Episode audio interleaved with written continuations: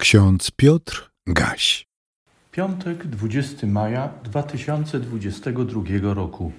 W Psalmie 38, piątym wersecie czytamy: Winy moje bowiem wyrosły ponad głowę moją, są jak wielki ciężar, zbyt ciężki dla mnie. W liście do Kolosan w drugim rozdziale, 14 wersecie czytamy: Chrystus wymazał obciążający nas list dłużny, który się zwracał przeciwko nam ze swoimi wymaganiami i usunął go, przybiwszy go do krzyża. Psalm 38 odzwierciedla cierpienie ducha, emocje i doznania ciała bezbożnego człowieka, kiedy w końcu dostrzegł swój grzech.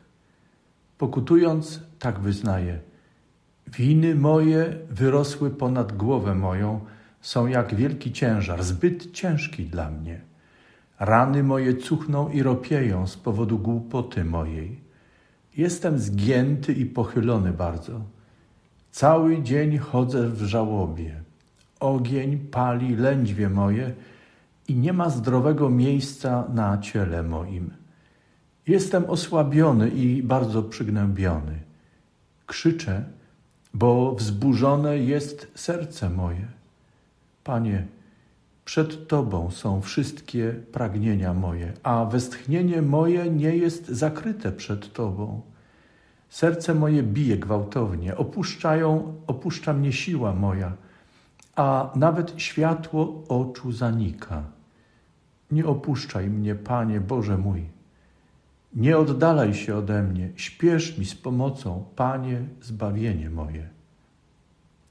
Kiedy słuchamy tych słów, jakże inaczej brzmią one, kiedy porównamy je, zestawimy ze słowami w Psalmie 73. Posłuchajmy.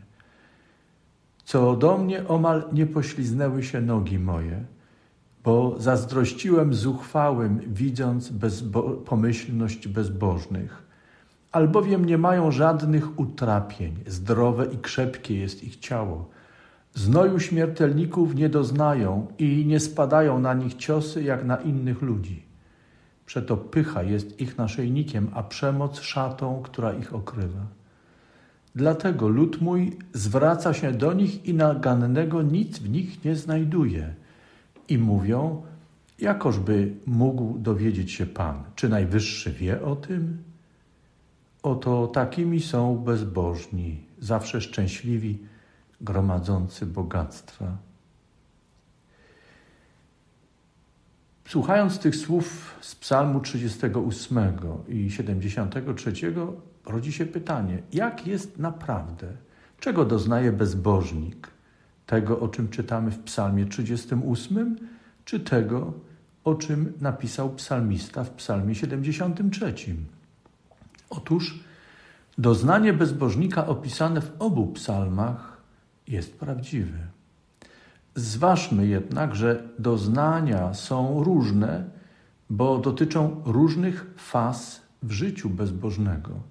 W Psalmie 38 słuchamy wyznania pokutującego bezbożnika, zaś w Psalmie 73 czytamy słowa zdezorientowanego człowieka, który obserwuje bezbożnika bezbożników. Ci żyją w przekonaniu, że Boga nie ma, a jeśli nawet jest, to nie trzeba poważnie traktować Bożego wskazania. Obserwator bezbożnych jest zdezorientowany, bo wydaje się, że Bóg przysnął i nie reaguje na bezbożność. Taka sytuacja rozzuchwala bezbożnych, a innych obserwatorów wprowadza w zakłopotanie, stawia na rozdrożu. Pojawia się bowiem problem z określeniem kierunku w życiu, w którym warto właściwie pójść. Czy w tym, którym idą bezbożnicy, czy w tym, który obierają ludzie żyjący z Bogiem. Co ważne, im dłużej człowiek żyje bez Boga, tym trudniejsze jest nawrócenie, duchowe przebudzenie.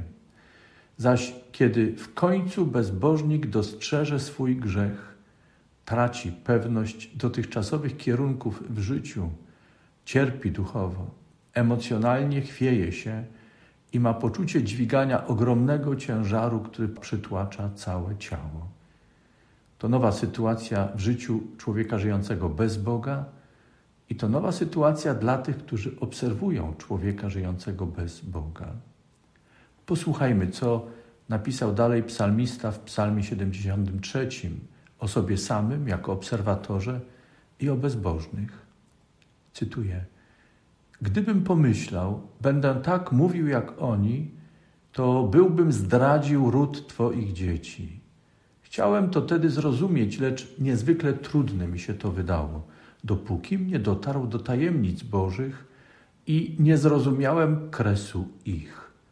Zaprawdę, stawiasz ich na śliskim gruncie, strącasz ich w zagładę. Jakże nagle niszczeją, znikają, giną z przerażenia. Jak pierzcha sen, gdy się człowiek budzi, tak Ty, Panie, gdy się ockniesz, wzgardzisz ich mrzonkami.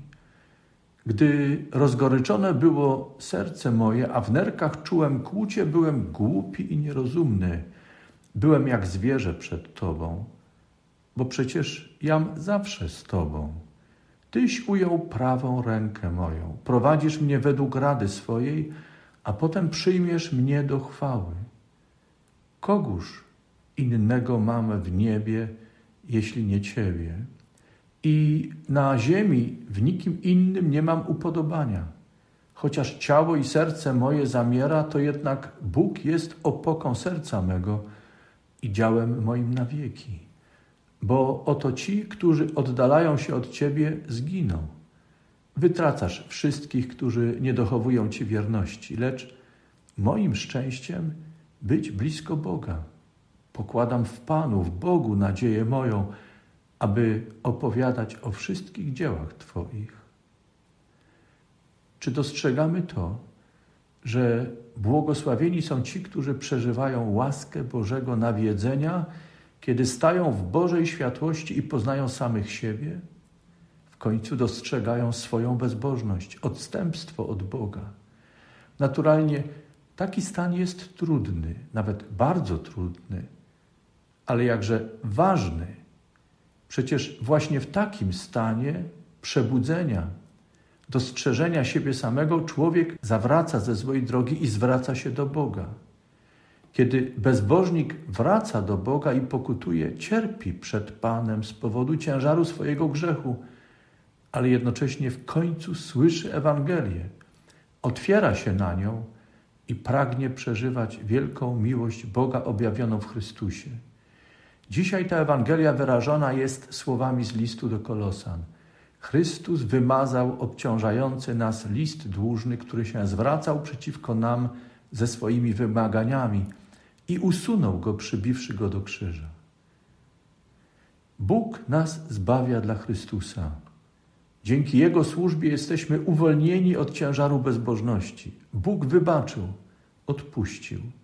Nie wspomina nam już bezbożności. Jesteśmy wolni, aby żyć z Bogiem. Wolno nam żyć nowym życiem dla siebie samych, dla bliźnich, dla całego stworzenia. Przede wszystkim, nade wszystko dla Boga. To sytuacja i stan, w którym jest nam bliskie wyznanie psalmisty – Moim szczęściem być blisko Boga. Pokładam w Panu, w Bogu nadzieję moją, aby opowiadać o wszystkich dziełach Twoich, Panie.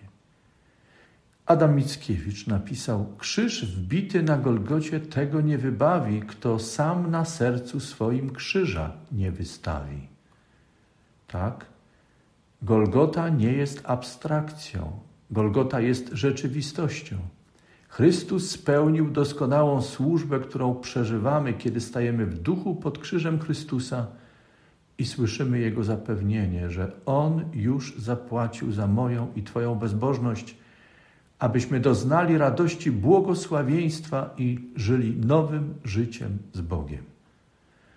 A pokój Boży, który przewyższa wszelkie zrozumienie, niechaj strzeże serc i myśli naszych w Chrystusie Jezusie, Panu i Zbawicielu naszym. Amen. Więcej materiałów na www.trojca.waw.pl